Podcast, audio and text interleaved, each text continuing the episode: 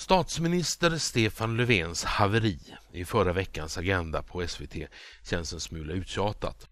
Men det finns ett lite bredare perspektiv som jag nu tänker säga några ord om. Stefan Löfven han försökte bland annat få fram budskapet att kriminaliteten i våra förorter skulle vara lika stor om det vore fattiga svenskar i utanförskap som bodde där. Vilket är en lite märklig vinkel. För det första så är det inte så verkligheten ser ut. För det andra så skulle andelen av de boende som är analfabeter, som saknar grundläggande utbildning och som inte behärskar svenska språket med största säkerhet vara mindre om dessa människor vore svenskar. Och för det tredje så lyckas statsministern inte hålla isär invandring och invandrare. Frågan är varför han svamlar. En stående förklaring är att han inte vill stöta sig med de väljare som finns i olika invandrargrupper och i utanförskapsområden. Men då gör han sig skyldig till en grov, och om inte rasistisk i vart fall oförskämd generalisering. De flesta människor som bor i våra problemområden de vill ha lugn, ro, ordning och reda. De vill ha fler poliser och till och med hårdare tag för att upprätthålla ordningen. De vill i möjligaste mån ha levande lokala centrum som inte har tagits över av kriminella som driver bort affärer och serviceinrättningar. En annan förklaring är att han är livrädd för att i någon mening framstå som främlingsfientlig och i sin rädsla för att kritisera invandrare som grupp vågar han inte tackla invandringen som sådan, den usla integrationen och utanförskapet som ju faktiskt är helt andra frågor. En tredje förklaring är att statsministern inte vill eller vågar säga något som kan uppröra Miljöpartiet eller Centern. För det skulle nämligen rubba maktbalansen. Jag tror helt enkelt att Stefan Löfven inte klarar av att förhålla sig till verkligheten. Särskilt när verkligheten inte stämmer med partiets idéer och program. Och det är troligt att han är omgiven av medarbetare som inte vågar, vill eller kan ge honom en korrekt bild av den verklighet som han är högst ansvarig för att hantera. Och det där är ett vanligt problem i maktpyramider. Och om man inte ser och förstår verkligheten då har man inte heller någon möjlighet att hantera verkliga problem. Vilket leder till mitt nästa ämne för dagen, nämligen makt utan funktion. Skälet till att vi har en riksdag och en regering är att de ska se till att staten fungerar. Och statens mest eh, grundläggande funktion det är att skydda sina medborgare. Den ska skydda oss mot yttre fiender och den ska skydda oss mot andra som hotar våra liv, vår säkerhet och vår egendom. På detta område har den svenska politiken fullständigt misslyckats. Den politiska makten den levererar helt enkelt inte det som är dess uppgift att leverera. Så frågan blir då vilken nytta vi har av den. Gör makten inte vad den ska, då har den helt enkelt ingen funktion. Då behövs den inte. Och det blir inte bättre av att politiken tar sig makt över andra områden där den också misslyckas, som till exempel utbildning, infrastruktur, energi, vård och pensioner. Vi har bland världens högsta skatter, men långt ifrån världens bästa offentliga samhällsservice. Vi styrs helt enkelt av inkompetenta lallare som bara bryr sig om en sak, nämligen sin egen makt. Men makt utan funktion. Det är ett meningslöst slöseri med pengar och ett demokratiskt problem. I den mån det finns ett så kallat samhällskontrakt, ja då är det brutet. Men svenska folket, det fortsätter ändå att rösta på samma politiker utan att utkräva ansvar. Och svenska folket fortsätter lydigt att vara skatteboskap utan att i rimlig utsträckning få valuta för pengarna. Detta är närmast obegripligt. Och det kommer i längden att få allvarliga konsekvenser. Om inte svenska folket säger stopp i tid vill säga. Men kommer det att ske? Ja, jag är inte så säker på den saken.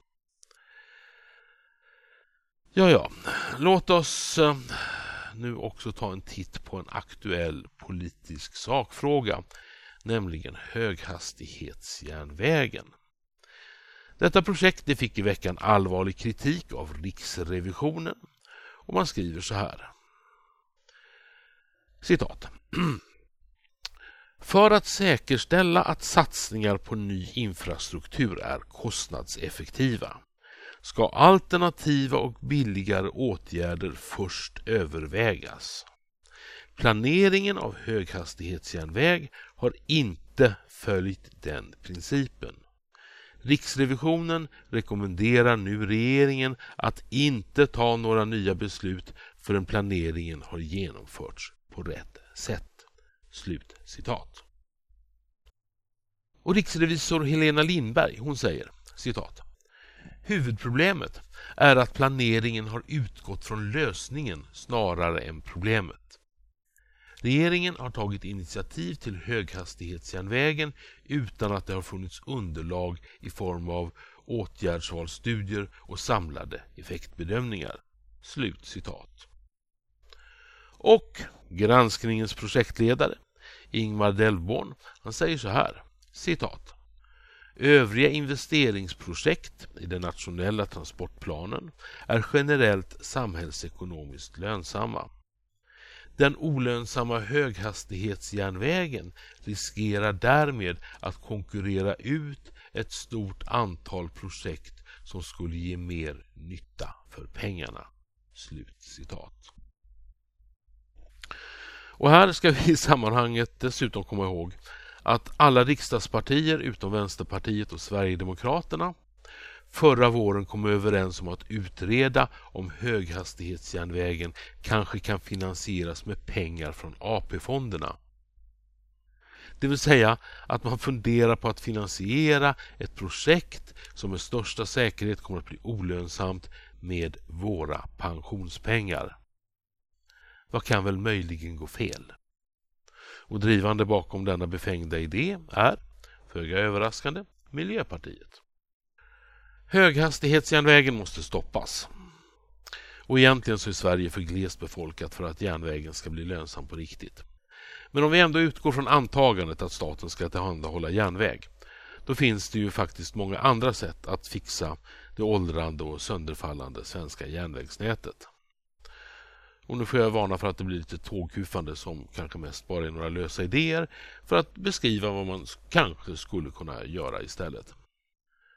Till att börja med så kan man använda en bråkdel av de 250 miljarder kronorna som en snabbjärnväg skulle kosta till att upprusta den järnväg vi redan har så att den fungerar och så att tågen kommer fram i tid. Vill man sen bygga nya spår, ja, då kan man ju titta på om det inte är bättre att bygga ett tredje spår längs våra stambanor på de sträckor där det är praktiskt lämpligt och möjligt. Dels skulle det öka kapaciteten, vilket kanske kan behövas om fjärrtåg, regionaltåg och godstrafik ska samsas om spåren. Och dels är skillnaden mellan två och tre spår att även om det blir stopp någonstans så kan trafiken fortfarande upprätthållas i båda riktningar samtidigt.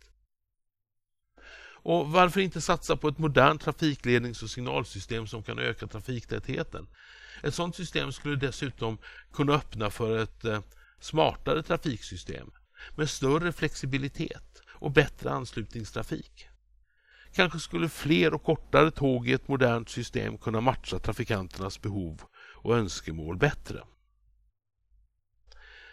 Men om man ändå, mot bättre vetande, vill lägga astronomiska summor på en snabbjärnväg, varför då satsa på gammal teknik?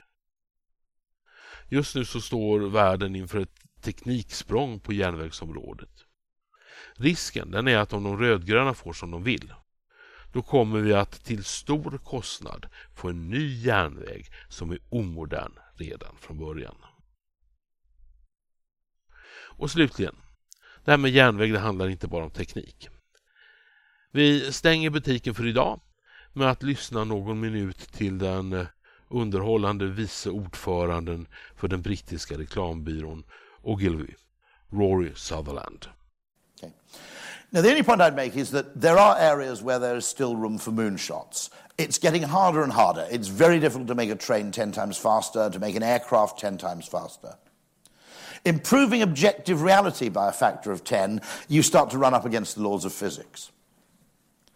My contention is that actually improving subjective experience by an order of magnitude might be a whole lot easier. Now, I don't know if anybody's seen my TED Talks. I achieved a kind of undeserved, weird fame because of my suggestion uh, back a few years ago, when the UK spent £6 billion building high speed rail tracks from St Pancras Station to the coast of Kent uh, to complete the high speed line from Paris to London. I simply said, What's the creative opportunity cost here? You're trying to improve a journey by making it shorter. In other words, by the objective use of engineering. What if you tried to make it 10 times more enjoyable? And I said, and by the way, most of, the, most of those trains still do not have Wi Fi on them. Uh, about 15 years later. I said, if you spent 1% of that money putting really good Wi Fi on the trains, my contention is it would make more difference than reducing the journey time by 40 minutes at a fraction of the cost. And then there was the craziest suggestion actually, you've, if you've got a budget of 6 billion, you could just spend one billion pounds hiring all of the world's top male and female supermodels, getting them to walk up and down the train handing out free Chateau Petrus to all the passengers. You'd have saved yourself five billion pounds, and people would ask for the trains to be slowed down. okay? And the strangest thing here is that psychological innovation, no one ever asks for it.